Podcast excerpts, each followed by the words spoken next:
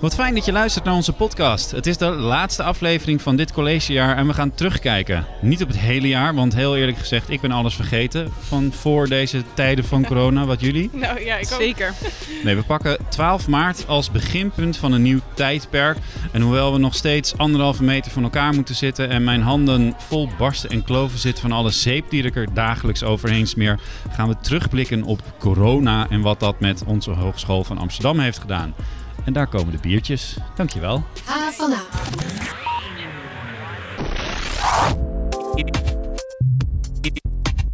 Mijn naam is Daniel Rommens en bij mij aan tafel zitten twee van mijn beste podcastcollega's Kiri Stuy en Andrea Huntjens. Hallo. Hallo. Wat fijn om met jullie tweeën aan één tafel te zitten. Dat gebeurt ja, niet vaak. wat gezellig. Dat gebeurt Ja. nooit. We hebben geen gasten, geen moeilijke vragen aan mensen, want alles is gewoon helemaal tot in de puntjes geregisseerd voor dit gesprek. Eh, nee hoor, eh, Andrea heeft gewoon eh, wat gekriebeld op een papiertje en die gaat uit de losse Ik pols heb wat aantekeningen erbij hoor. Maar het zit ook nog heel goed in ons hoofd, want we hebben echt in een soort snelkookpan gezeten als journalisten. Ehm, Kiri, ik noemde 12 maart al even, over een snelkookpan gesproken. Ja. Want die ochtend gingen wij allemaal nog gewoon naar ons werk met het idee, "Hè, lekker, bijna weekend. Little did we know. Ja, ja. Nee, zeker waar. Ja, ik, eh, ik wil hem eigenlijk nomineren ook. Hm. 12 maart. voor wat? Proost trouwens. Cheers, inderdaad. Cheers, jongens. Ik wil Ja. het eh, nomineren voor de meest verwarrende dag van heel 2020. Op de HVA. Op de HVA, Hm. inderdaad. Vertel waarom. Nou, het zit zo. We, die hele periode was natuurlijk verwarrend, de coronasituatie. Maar 12 maart was de dag dat langzaam een beetje duidelijk begon te worden... eh, of die hogeschool nou dicht zou gaan of. Eerste persconferentie toen. Ja, inderdaad. En ik begin heel eventjes met een bericht dat overdag kwam. Eh, wij kregen dan als journalisten te horen, eh, de regering zei... meer dan 100 man, dan moeten de colleges en de tentamens geannuleerd worden. Ja. Dus het begon dus alleen met de grootschalige dingen, dat gaan we niet meer doen. Kleine lessen gaan nog door. Maar het was crisis, dus natuurlijk werd dat na een paar uur alweer anders. Toen Mhm. kwam de regering met een bericht. Al het onderwijs moet online. Dat was op dat ze riepen in ieder geval hogescholen en universiteiten op om het gewoon niet te doen, want die situatie was eigenlijk toch gewoon erger. Ja. Ja, en dan wil ik eventjes uitleggen hoe we er dan op de redactie bij zaten. Sowieso was het, eh, eh, hebben we denk ik nog nooit zoveel ehm, de tv's aangehad, nieuws. eh Met z'n allen voor de laptop naar de persconferentie Ja. kijken. Evenementen, bijeenkomsten met meer dan 100 personen worden in heel Nederland afgelast. Dat geldt ook publieke locaties zoals musea, concertzalen, theaters, sportclubs en sportwedstrijden. Nieuws aan, telefoon aan één oor, notitieblok ergens verdwenen om dan Ja. maar dat laatste nieuws te eh, eh, schrijven. Ja. En zo ging dat ook aan de kant van de, de HVA. Hè? Want Ja. het bestuur moest plotseling met een crisisteam bij elkaar zitten en allemaal plannen bedenken. Ging Ja. dat een beetje goed? Nou, ehm, niet helemaal. Nee, en dit is de, ook de reden waarom ik hem wil nomineren voor die meest verwarrende dag. Want ehm, eh, vrijdag 13 maart, dus de dag na die 12 maart, was het de vraag: gaan die colleges nou door of niet? En de HVA, die een beetje aan het einde van de middag publiceerde die een bericht en zei. ehm, eh, we laten eh, de, eh, het onderwijs wel doorgaan, tenzij het meer dan 100 man is. Ehm, en dat is ook goed, want dan kunnen we onszelf ook een beetje voorbereiden op die sluiting van het onderwijs. Ja. Nou, Maar toen kwam de Vereniging Hogescholen met een bericht. En dat is de overkoepelende organisatie waar al die hogescholen onder vallen. En die zei, we stoppen per direct met het onderwijs. Alles gaat online. ja. Nou ja, en dat werd natuurlijk heel ingewikkeld. En eh, volgens mij, Daan, weet ik ook nog dat jij eh, uiteindelijk met de woordvoerder hebt gebeld van de HVA. Ja, van, die, joh, was, wat- eh, die was verrast. ja, Eh, en toen moesten ze met het crisisteam eh, gaan kijken naar de verdere aanpak. En we zouden later daarover bericht krijgen. Maar is de HVA dan ook de enige hogeschool geweest die die vrijdag 13 maart open is geweest? Volgens mij, ja, dat, dat Ja. klopt inderdaad. Het enige. En het was Ja. ook, ehm, maar het was volgens mij ook al tegen tien uur s'avonds. Dus je moet je voorstellen, iedereen was ook in de war. Wij kregen van allerlei HVA'ers berichten van studenten, van docenten. Docenten zeiden, moet ik nou naar mijn werk komen of niet? Studenten die zich afvroegen, moet ik naar de les komen? Hmm. We waren echt in, in gesprek. Dat wij ook zeiden, ja, we weten het ook niet. We zijn er mee bezig, we vragen Wat ik ook het. best lastig vond trouwens hoor. Want we kregen ook gewoon een hele hoop vragen die wij helemaal niet konden beantwoorden. Waarop wij dan heel lullig moesten sturen van ja, dan moet je bij je opleidingsmanagers Wat- zijn of zo. Wat echt een beetje Ik weet nog dat de ultieme chaos toen inderdaad was dat heel veel studenten met vragen zaten van moet ik nou gaan, moet ik nou niet gaan. En zelfs op een vrijdagochtend nog dachten van gaat mijn college nou door? En dat toen de Mijn HVA-pagina eruit lag. Klopt. Ja. Inderdaad. En dat was, eh, dat was gewoon hartstikke lullig. Want voor die tijd hebben wij... Nee, sterker nog, jij hebt, Daan, ehm, in de ochtend... Je bent sowieso een vroege vogel. Ik heb even door onze Mhm. Twitterpagina gescrolld. En echt om kwart over zeven of half acht 's ochtends stond er al een bericht met... Dit is wat we in ieder geval weten over vandaag. Ik dacht, er moet ergens iets staan van een heel kort overzichtje met dit is hoe het er nu voor staat. Ja. Voor zover wij konden weten. Ja. Want de HVA kwam nog met meer nieuws. En dat was eh, dat er na deze dag, na die vrijdag 13 maart... helemaal geen fysiek onderwijs meer zou plaatsvinden. Mhm. En werd die situatie zoals we die kennen. Ja, precies. Wat een Ja. dag. Ik kan me nog wel herinneren dat die eh, vrijdag 13 maart, dus toen eigenlijk bijna alles dicht was. Toen zat ik met Daniel op de redactie en toen zijn wij eh, naar de HVA gegaan, naar de Amstel campus, om gewoon te kijken. En het was dus toen ook heel rustig, weet ik nog. Nu iedereen thuis blijft, is het een beetje te vol thuis om te studeren. Ja, en hier heb je natuurlijk de hele HVA ongeveer voor jezelf nu. Ja, ongeveer wel. Eh, ik had ook verwacht dat er gewoon heel, niet zoveel mensen op school zouden zijn, dus daarbij het risico niet zo groot eh, is. Ja, ik merk niet per se een gespannen sfeer of zo. Had ik wel verwacht dat als ik hier binnenkwam dat eh, het heel gespannen zou zijn, maar het valt hartstikke mee. Waarom is het zo belangrijk dat een paar gebouwen wel open blijven? Eh, nou ja, ik vind wel, er zijn ook mensen die het financieel thuis niet zo goed hebben. Die kunnen hier gewoon nog op hun computer gewoon wel die online lessen volgen als ze dat thuis niet hebben. Dus ze hebben geen internet allemaal thuis. Dit is drie maanden geleden, maar als je er zo over praat, over inderdaad die, die eerste dagen, dan lijkt het toch echt een eeuwigheid geleden. Ja. Dat is zo. Maar ik krijg wel een beetje diezelfde adrenaline weer in mijn lichaam als ik nadenk over hoe we toen aan het werk waren. Want er waren Jij gaat ineens... weer tot tien uur vanavond met je laptop op schoot zitten werken. Twitter de hele tijd scrollen, kijken of er iets nieuws is. Ehm, Andrea, jij was in de tussentijd eh, al bezig met studenten die in het buitenland zaten. Want eh, de coronacrisis speelde wereldwijd eh, op dat moment. En er gingen allerlei grenzen dicht, er werden allerlei vluchten gecanceld. Ehm, hoe, hoe ging dat? Want jij hebt studenten eh, gebeld op een gegeven moment. Van, hoe is het met je? Ja, het was, het was heel gek, omdat inderdaad, wat je zegt, het was wereldwijd. Dus ook, ik heb studenten gebeld van over de hele wereld. In, in Azië, in eh, Midden-Amerika, in, verderop in Europa. En iedereen had ook gewoon een compleet ander verhaal. En het ver- veranderde ook van week op week. Dus als je iemand nog de ene week had gesproken, was het misschien een heel positief verhaal. En de week daarna ging ze bij wijze van spreken echt meteen terug eh, naar de HVA. Eh, waaronder een eh Giacomo, een jongen die zat in Seoul, dus in eh, Zuid-Korea. En toen hier helemaal de ellende losbarstte, zei hij eigenlijk...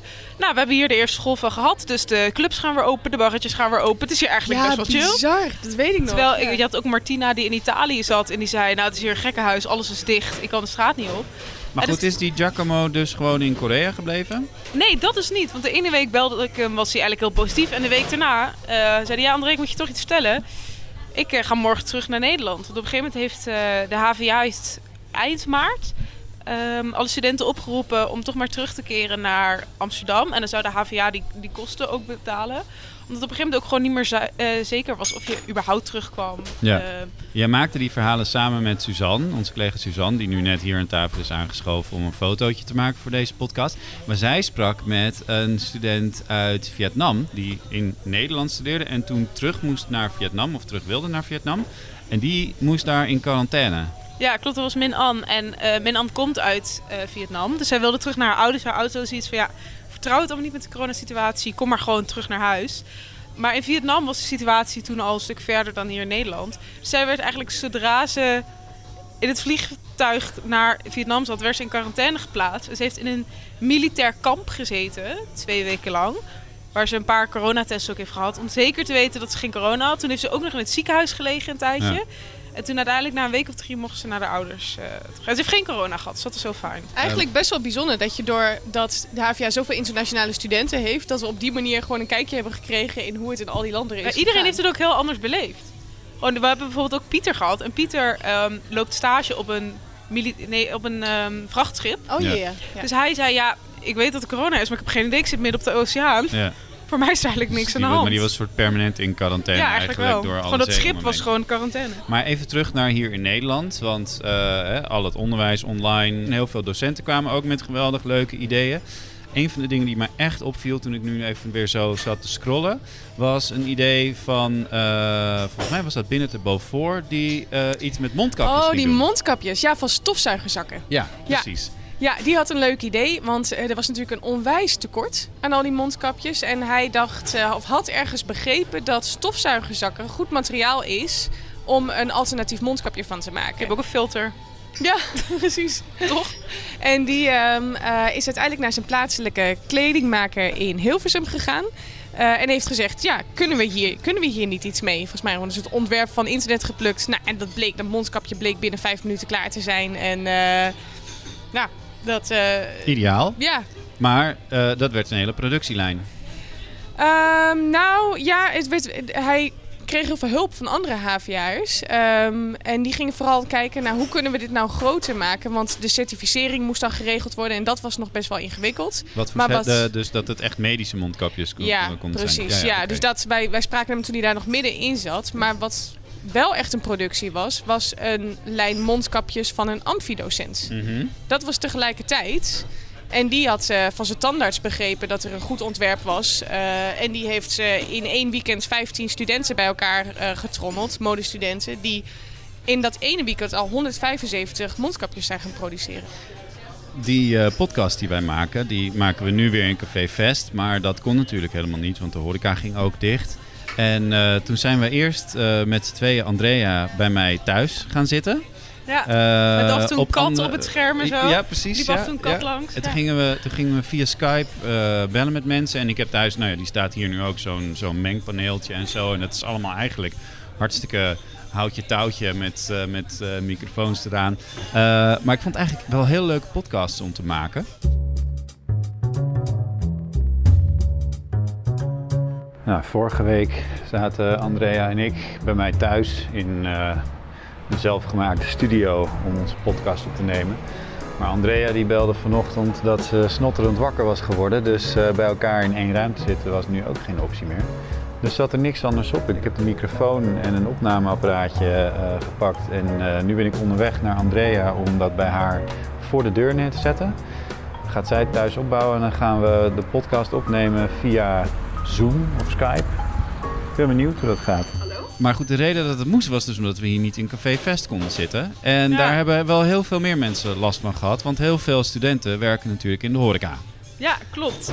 En eh, ik heb best wel wat van die studenten gesproken, want die zagen opeens natuurlijk allemaal hun baantje in de rook opgaan, omdat alles dicht was. En het vervelende aan de horeca, of ja, het vervelende, in deze situatie het vervelende aan de horeca, is dat het allemaal freelance werk is. ik weet nog Dus wel meer dingen die ik vervelend vond aan de horeca. Eén van de dingen. Eh, dus ja, als je gewoon niet kan werken, dan kreeg je ook niet doorbetaald. Eh, dus er waren best wel veel studenten die daar best wel veel geld misliepen. En ehm, de- een paar studenten waren zo slim om op dat moment maar bij de Albert Heijn te gaan solliciteren. ja. Zo van, nou, als er ergens nu behoefte aan is, is het Albert Heijn. Maar goed, er waren gewoon wel regelingen vanuit de overheid om te zorgen dat mensen konden worden doorbetaald, toch? Ja, klopt. Er waren inderdaad eh, regelingen voor ZZP'ers. Het enige lastige was dat veel studenten daar ook weer net buiten vielen. Ja. Omdat je dan toch een bepaald eh, bedrag moest verdienen per maand. En ja, als student heb je natuurlijk niet een heel maandelijks inkomen wat jij, gewoon een volwaardig inkomen wat je erbij nee, verdient. Nee. Dus je hebt gesproken met mensen eh, om ook hun verhaal eh, een beetje eh, te vertellen aan andere va- eh, eh. Ehm, ook van ZZP'ers die echt al hun werk kwijtraakten. Maar er waren ook ondernemers die het juist heel goed deden door de coronacrisis. Ja, ik, ik, ik mocht niet zeggen van ze dat ze aan het profiteren waren van de coronacrisis. Maar En je mocht ze ook niet de desinfectieboys noemen. Nee, maar ze hadden wel een slimme, eh, een slimme oplossing gemaakt. Het waren eh, Lucas en Taufik die aan de HVA studeren met hun vrienden Niels en Mitchell. En die hadden eh, desinfectiepalen bedacht. Wat dus eigenlijk een, een paal ja, is. hier staat er ook eentje. Ja, naast ons staat er eentje bij- de ingang bij Vest. Dus mocht je willen zien hoe die eruit ziet, moet je daar even heen lopen. Kom naar Vest allemaal. Ehm, maar het is dus een eh, desinfectiepaal waarbij je geen knopje of zo hoeft in te drukken. Je kunt hem, opdra- je kunt hem gewoon met je elleboog bedienen. eh, waardoor je dus niet al die bacteriën op je krijgt. Ah, ja. En dat werd eigenlijk zo'n succes dat ze hem bij hogescholen en universiteiten in de hele, het hele land hebben neergezet. Ook bij de HVA onder Mhm. andere. Ehm, en ja, ze waren ook nu bezig met allemaal nieuwe projecten zoals eh, wasstraten voor winkelwagentjes. Zodat je, die niet, zodat je die makkelijk schoon kan maken. En eh, Nou, zij Zo eh, slim maken eigenlijk. er helemaal gebruik van de crisis eigenlijk. Ja, maar eh, heel veel studenten hebben eh, ook aangegeven in wat, wat dingen die ze, hebben, die ze hebben gevraagd in een enquête, onder andere ook op Instagram, dat ze wel eh, financiële problemen hebben door deze coronacrisis. Nou, dat is helemaal niet gek, want volgens mij raakt het iedereen eh, wel. Maar eh, die, sommige studenten maakten zichzelf zorgen over of ze de huur wel konden betalen Ja, van klopt. hun studentenkamer. Ja, wat natuurlijk heel logisch is, als, als inderdaad jouw bijbaantje wegvalt waar je precies je kamerhuur mee kan betalen, is dat wel moeilijk. Ehm, het gaf best wel veel studenten aan. En toen hebben op een gegeven moment de grote woningcorporaties, dus zoals IJmeren en dat is de KEI en dat is Duo, die hebben aangegeven van oké, we gaan geen mensen het huis uitzetten in deze periode. En we gaan iets coulanter om met eh, huurachterstand. Dus als jij Mhm. een maandje huur niet hebt betaald, is het niet meteen dat je eruit gegooid wordt. Eh, maar sinds kort heeft ASFA, dat is de studentenunie in Amsterdam, heeft ook een oplossing bedacht. Want nu zijn er natuurlijk nauwelijks toeristen in Amsterdam. En staan er dus heel veel hotels en hostels staan allemaal leeg. Dus ASFA dacht, daar kunnen prima studenten in voor een paar maanden. Ja. Eh, dus die hebben een soort van... Want eh, even voor het goede, maar 15% van de HVA-studenten woont überhaupt op ja, eh, dat is kamers wel een in klein gedeelte. Ja. En heel veel mensen kunnen gewoon geen woonruimte vinden Ja, hier. maar nu is het wel, als je het dus via ASFA, je zit dan in een hotel en er is heel veel verschil in of jij in een hostelkamer zit of dat jij echt in een mooie tweepersoons suite zit, natuurlijk. In het Amstelhotel om Ja, dat, bij de daar, dat is ze denk ik alsnog wel vol. Oh. Maar da- daardoor kun je wel opeens redelijk goedkoop aan een kamer komen. Want ik heb gekeken, de goedkoopste kamer, dat is natuurlijk wel een, een hostel, maar alsnog, is 250 euro. En wordt wat er dan ook een ontbijtje voor je gemaakt? Dat denk ik niet. Dat zou chill zijn. Dat Ik ging meer gewoon naar de basics van kun je dan ergens op een, een beetje rustige plek ook studeren? Ja, ik, ik Of- denk dan wel dat je inderdaad een, een gemeenschappelijke douche hebt of zo. Maar voor 250 euro kun je anders niet in Amsterdam wonen. Dus dat is ook wel weer Ja. En we een hebben soort van vakantie in Amsterdam. kun je Wij hebben echt als, als eh, eh, gekken al die verhalen zitten maken. Ik zat een beetje terug te kijken. We maakten meer verhalen dan normaal. Terwijl we allemaal vanuit huis werkten en we ook wel eens tegen elkaar hebben gezegd van nou, hm, ik heb het een beetje rustig vandaag. Ehm, wat, wat, hoe hebben jullie zelf die, die periode beleefd? Want je hebt toch ook wel eh, zelf misschien zorgen gehad, Kiri, eh, over, over nou ja, of je je werk nog wel leuk vindt op deze manier. Want thuis werken is natuurlijk ook gewoon kloten in sommige opzichten. Ja, het was zoveel eigenlijk. Ik, als ik erop terugkijk, denk ik... eh, volgens mij heb ik, ben ik gewoon, heb ik alle emoties gehad in die afgelopen maanden. Van ook wel angstig zijn eh, voor mijn familie, maar ook voor jezelf. Ja. Eh, en het werk vond ik in het begin heel... Ik vond het het begin eigenlijk het zwaarst, denk Mm. ik. Want toen zaten we inderdaad vol in de adrenalinestand. En was het gewoon van 's ochtends vroeg tot 's avonds laat. Want dan had je vaak ook nog de persconferenties. Of dan keek je naar een of andere talkshow waar nog iets voorbij kwam. Waarvan je dacht, daar moeten we wat mee. Ja, je stond de hele tijd aan. Ja, ja, inderdaad. En ik merkte wel dat... ehm, ja, naarmate de tijd vorderde dat ik er wat meer in begon te komen. En het, eh, en het op een gegeven moment ook wel relaxed vond. Ja, ik dacht, het ja, nieuwe normaal na vijf uur even, even gaan hardlopen. En dan Ja. ben je weer op tijd thuis. Je hoort de studenten van de HVA hier. Als jij door de security heen moet komen, waar zou je je drugs verstoppen? Eh, hoezo wil je dat zo graag horen? Ik ben bang als ik dat ga zeggen, dat, dat ze dan echt een rechtszaak tegen me aanspannen. echt letterlijk. Welk meisje waagt zich nou in de wereld van lege pizzadozen en PlayStation-avonden met energy drinks? ja, nou. Nou, wij. Wil je niets missen van het nieuws en de verhalen van de campus? Schrijf je dan in voor de nieuwsbrief op havana.nl. Kiri, we gaan naar een volgend serieus onderwerp. Er was op een gegeven moment ook echt de vraag, eh, wat dan met de stages? Want Ja. een hele hoop stagiairs, zeker in de zorg... eh, nou ja, daarvan kun je natuurlijk wel beargumenteren... die moesten allemaal hartstikke hard doorwerken, want corona. Maar ook in het onderwijs, waar natuurlijk alles online ging en zo. Hoe ging het met die mensen? Nou, dat was best wel lastig ook hoor. Zeker in het onderwijs inderdaad moet je voorstellen. Dan ben je eh, nog helemaal niet gewend om voor een klas te staan. En dan moet dat opeens online. Ja. En dat lijkt me eigenlijk nog veel enger. Gingen alle stages door ook? Eh, nee, ook niet alle stages gingen door. Ehm, in de zorg bijvoorbeeld waren de eerste en tweedejaars... Als ik het zo een beetje kort door de bocht zeg, werd het allemaal eh, gezegd van... Nou, dat gaan we niet doen. Want die hadden ook niet genoeg ervaring om echt iets kunnen bij te dragen. Nee. En om het een beetje oneerbiedig te zeggen, die liepen vooral in de weg. En dan eh, lopen ze ook nog risico. Dus Ja, dat wilde, wilden Want ze mensen niet. hadden ook gewoon geen tijd meer om hen goed te begeleiden. Nee, daarom, Ja. tuurlijk. Ehm, en wat wel leuk was, ik had een eh, student, Pim Scheefals, gesproken. Verpleegkunde studeert hij. En hij liep stage in een ziekenhuis. En hij was echt een vierdejaars en had heel veel ervaring. Eh, en kon eigenlijk niet wachten om aan de slag te gaan. Want die had zoiets van, jeetje, iedereen heeft me nodig. Ik, ik moet hier eh, iets aan bijdragen. Maar waarom kon hij dan niet aan de slag? Ja, hij was op vakantie geweest in Oostenrijk. Oh en nee, had de milde klachten. Ja, ja. Hij had staan op skiën. Ja, inderdaad. Nee, maar daar baalde hij dus enorm van. En hij zei iets wat ik wel heel illustratief vond voor, ehm, eh, voor de houding van al die zorgmedewerkers. En dat is, we hebben een zorgplicht. Dat hoort in alle tijden bij mijn beroep. Ja. Ik denk, dan ben je zo jong en dan, ja, die dacht gewoon, het hoort er gewoon bij. Klaar. Ja. En toen kwam er een applaus, want al die mensen hebben dat natuurlijk en zo. En Ja. toen gingen we allemaal discussiëren over of ze wel 1000 euro extra mochten krijgen. En, Ja, ja. en dat, dat Nicolaas Tulphuis, want dat is waar de verpleegkundigen eh, onder andere eh, studeren, eh, dat is ook dicht. Ehm, maar niet helemaal. Nee. Want, daar kwam jij achter, daar waren ineens allemaal kleine kinderen. Ja, dit is een heel grappig verhaal. Ja, dit is, ik, vind het namelijk, ik vind het echt indrukwekkend. Ehm, het zat zo, het AMC, het ziekenhuis ernaast. ehm, in het begin van de crisis was het nog niet helemaal duidelijk of, er wel, eh, eh, of de kinderopvang ook wel open zouden blijven voor kinderen van zorgverleners. Dus in het AMC is normaal gesproken een opvang. Ja, Nou, ja, klopt. Daar is inderdaad ook een opvang. Maar sowieso in het algemeen was het de vraag van blijft dat nou open of niet? En ehm, toen da- dacht het AMC van nou, neem het heft in eigen handen. We gaan ervoor zorgen dat er een, toch een noodlocatie is waar die kinderen naartoe kunnen. En in eerste instantie werd gedacht, nou misschien kan het dan in het ziekenhuis. Maar ja, als er ergens een plek chaotisch en druk is in tijden van corona was het natuurlijk wel het ziekenhuis. Mm. Dus keken ze naar het naastgelegen Nicolaas Stulphuis. Ja. En ehm, Carla Vermeer, zij is de facility manager daar. Die had op een vrije zondag een eh, mailtje gekregen. Toevallig op de mail gekregen van het AMC. Goh, zou je, heb je misschien tijd om ons rond te leiden? Want we willen eigenlijk de dag erna een kinderopvang openen.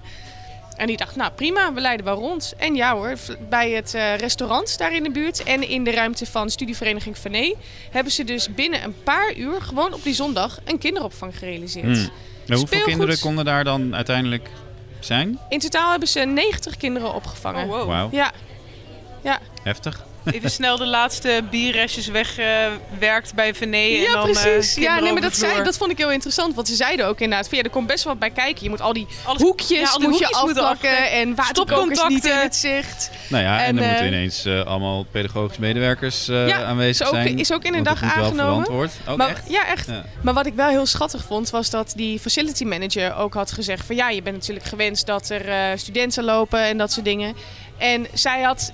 eh, nou ja, goed, dit, dit hele gebouw was natuurlijk eh, wekenlang stil en er was niemand. En toen wat waren er bedoelden ze opeens... dan? Dat, er, dat studenten en die kleine kinderen ongeveer hetzelfde waren? Of, eh? Nee, nee, nee, maar ze bedoelde meer van... eigenlijk weer achtergrondgeluid en eigenlijk een beetje leven. Nou, nee, ze bedoelde eigenlijk meer van het was de afgelopen weken zo stil geweest. En die kinderen die zorgden gewoon een beetje voor levendigheid. En toen ze eenmaal weer weggingen, had, ja, toen misten ze ze eigenlijk wel een Oh. beetje. Ja. Want die, hadden, die keek ze uit op het speelkwartier en zo buiten. En dan zag ze daar lekker stoepkruid en weet ik het allemaal. Dus- Tussen de kipjes. Ja. Als je zo door die tijdlijn heen scrolt, dan zag je in het begin eigenlijk... En ik vond het ook wel iets heel Nederlands of zo. Of iets heel erg van de sociale media. Van heel erg laten zien wat, je allemaal, wat allemaal tof is en wat Ja. allemaal goed gaat en zo. Weet je, alle creatieve ideeën kwamen voorbij. En dat, dat kinderopvangverhaal, nou dat was natuurlijk oprecht wel heel tof. Maar er werd heel veel aandacht besteed, ook vanuit de HVA zelf, aan alles wat er goed ging. Maar er kwam steeds meer ook een onderstroom van dingen die eh, toch niet zo goed gingen. We hoorden wat docenten die echt wel op hun eh, laatste benen aan het lopen waren. Maar eh, er waren ook studenten die echt wel last hadden van die coronacrisis. Onder andere doordat ze gewoon eenzaam waren. Want normaal gesproken zit je hier met z'n allen op een campus, heb je veel contact. en dan ben je in één keer thuis, weet ik veel, in Waddingsveen bij je ouders. Dus dan zou je denken van... Nou, je, bent toch, zit niet in je eentje op een studentenkamer. Je zit nog lekker bij je ouders. Dus hoe eenzaam kun je dan zijn? Maar ik sprak best wel veel studenten die zich juist eenzaam voelden bij hun ouders thuis. Omdat ze het idee hadden dat ze toch niet echt met hun ouders konden praten over hoe ze zich voelden. En dat ze eigenlijk gewoon hun klasgenoten misten. Ehm, en het gewoon misten om eigenlijk iets nuttigs te doen. Want dat is denk ik wel een gevoel wat de afgelopen maanden wel overheerst. Dat je af en toe dacht, ja, waar ben ik eigenlijk mee bezig? Want het voelde alsof het niet echt nut had. Ik had Ja. één student gesproken, Larissa, die zei... waarom zou ik uit bed gaan? Ik hoef toch nergens heen. ik denk dat dat wel herkenbaar is voor meer studenten. Dat het toch, of jij om negen uur ehm, helemaal aangekleed en gewassen achter je online college zit, of dat je daar om half tien binnenkomt in je pyjamabroek, dat ziet niemand. En Ja. dat daardoor af en toe gewoon een beetje lastig kan zijn. Dat, maar ja, goed, dat, dat, jij had ook wel eens de camera niet aanstaan bij de vergadering 's ochtends, toch, Andrea? Ja, dat dat had ook zo zijn reden. Maar we hebben toen op eh, Instagram een poll gevraagd hoe, eh, hoe het met studenten ging. En daarvan zei 44% dat ze wel echt eh, angstig waren vanwege corona. omdat, nou, vooral door die grote onzekerheid.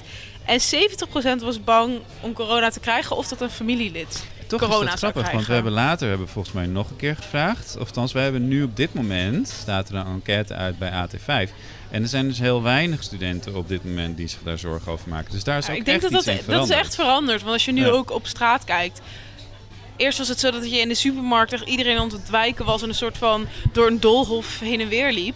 Hmm. En nu houdt echt niet meer iedereen afstand op straat. Dus ik denk Nee. ook door de versoepeling dat iedereen het idee heeft alsof het een beetje weg Ja, en je is. hoort al die nare verhalen ook veel minder. Ik bedoel, Ja. was voor jullie vast hetzelfde dat je wel een buurman had die weer horrorverhalen had over mensen die waren overleden en Ja. video's die voorbij kwamen. En En, dat zijn natuurlijk nu steeds minder aan het worden, tenminste in Nederland.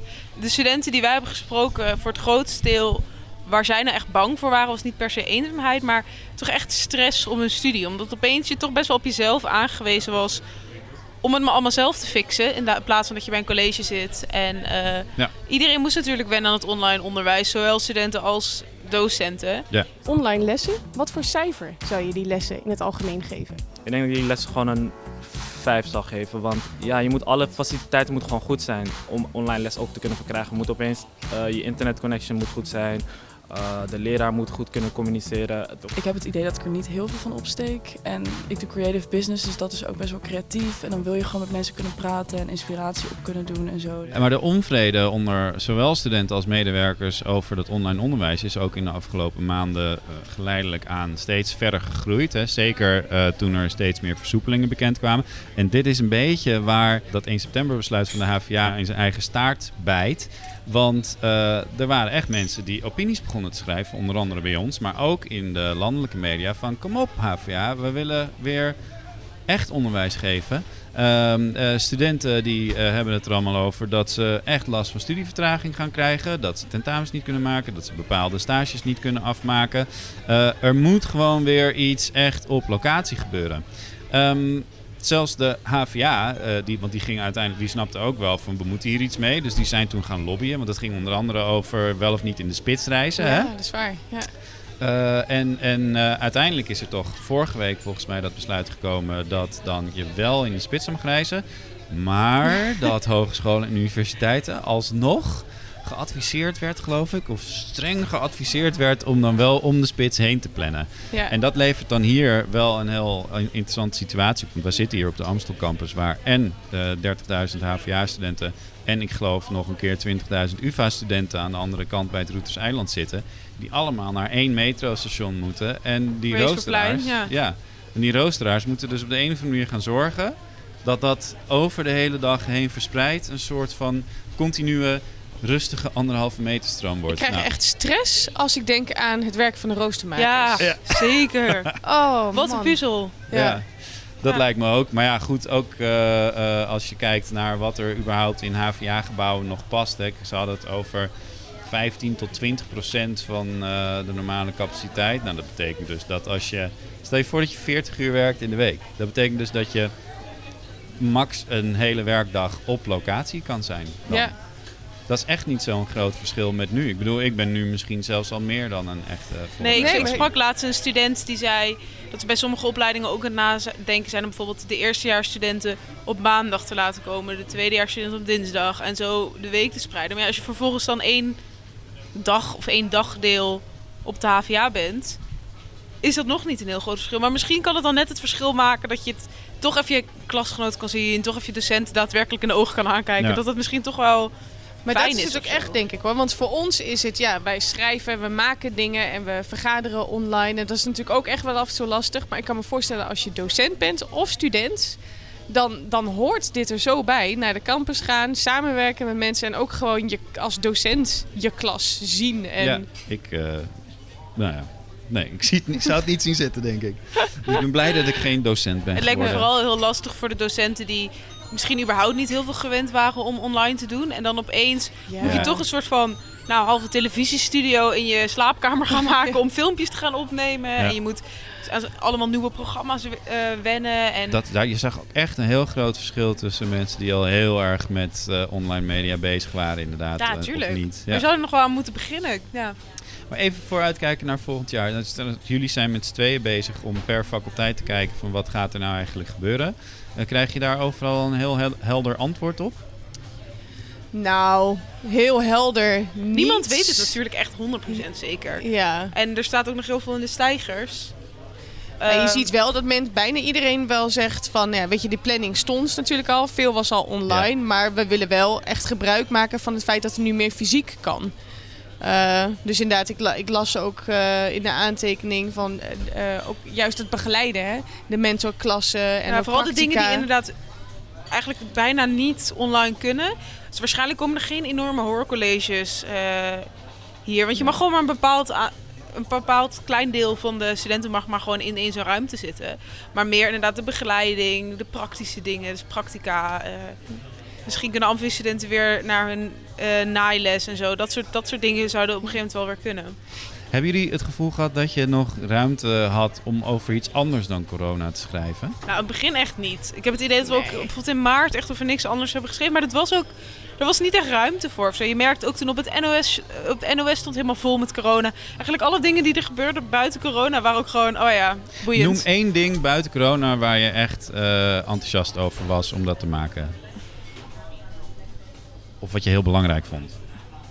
Buiten corona om? Ja, Moet ik het zeg zeggen? maar. Ja, zeg maar. Ja, ik heb, maar dat, dat was natuurlijk wel toen de grote coronacrisis alweer voorbij was. Heb ik een, wel een stuk gemaakt over eh, nou, misstanden bij Amfi, waar eh, veel racisme plaatsvond de afgelopen jaren. En waar veel studenten openlijk een verhaal deden over eh, nou, racistische dingen die ze daar gewoon hebben meegemaakt. Ja. En ehm, ja, dat, dat, dat was wel een heel aangrijpend verhaal in dat opzicht. Ja. Omdat er echt heel veel studenten waren die dat hadden meegemaakt. Als je daar meer over wil weten als luisteraar, luister dan naar de vorige twee podcasts. Want vorige week heb ik met een oud-docent van Amfi gesproken.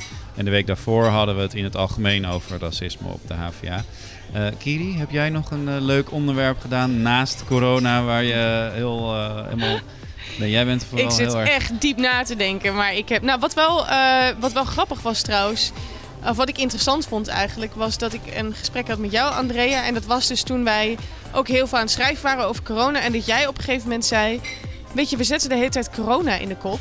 Maar het is eigenlijk Ja. zo normaal geworden dat we dat gewoon inmiddels wel weg kunnen laten. Ja, klopt. En ik weet nog dat ik dacht, ja, daar heb je gelijk in. En eigenlijk ook zo confronterend, omdat... Ja, want in het begin hadden wij inderdaad al onze koppen waren studeren tijdens corona, werken tijdens corona. Weet je, Ja. dat was altijd wel ergens verweven. Tot ik op een gegeven moment dacht, ja, maar dit is gewoon het nieuwe normaal. Ja, we hebben gewoon op een gegeven moment gedacht, ja, dit is, dit is wat het Ja. is en eh, klaar. Iedereen weet heus wel dat het nu tijdens corona is. Ja. Dus eigenlijk zijn in dat opzicht alle verhalen die we de afgelopen maanden hebben gemaakt tijdens corona-verhalen. Klopt, ja, zeker. Nou, eh, we gaan er een eind aan breien, want eh, ik vind het wel tijd voor zomervakantie. We gaan nog Och, een... eh, ja. we gaan nog een weekje door. eh, anderhalve week nadat deze podcast online komt. Ehm, want we gaan dicht van 11 juli tot 9 augustus. Dat zijn vier weken waarin er vast nog wel een nieuwtje komt. Want er komt nog een nieuwe college van bestuur, voorzitter aan. En er komt vast nog wel iets online Daar maken we even een uitzondering voor. Ja, als die komt, dan. eh, ik heb een soort hotline met de woordvoerder van het CVB. Dat die, die, Oh, daar ja. mag je me voor bellen. En ook als Aan jou de eh, eer, oké? Ja, ja nou, maar daar, daar ben ik ook. eh, ja, Andrea en ik gaan bakken op de stad. daar word ik ook voor betaald. Ehm, even kijken hoor. Jullie maken me in de war. Ik zit gewoon een tekst hier voor te lezen. Ja? Eh, oh ja, dank voor het luisteren. Vind je dit een leuke podcast? Laat dan een beoordeling achter in je favoriete podcast-app. En vergeet ons ook vooral niet te volgen. Op onze site vind je eh, de komende tijd een overzicht van de mooiste verhalen van de afgelopen tijd. En dat is dan niet alles van corona, maar vooral de een beetje leukere dingen. En Kiri, jij gaat het volgende week samenstellen. Ja. Die vind je op havana.nl. En je volgt ons natuurlijk op onze sociale media. En Kiri en Andrea en Cor, welke zijn dat? Instagram, Facebook, Twitter, Twitter, LinkedIn. eh, LinkedIn, ja. Ja, Spotify. Niet, niet in Cor. Ja. Eh, dank jullie wel voor uh, deze leuke podcast. Voor het uh, harde werk van de afgelopen tijden. Bedankt voor het luisteren. Tot volgend jaar. Tot volgend jaar. Doeg. Geen enkele podcast meer missen? Check dan HVA in je favoriete podcast-app.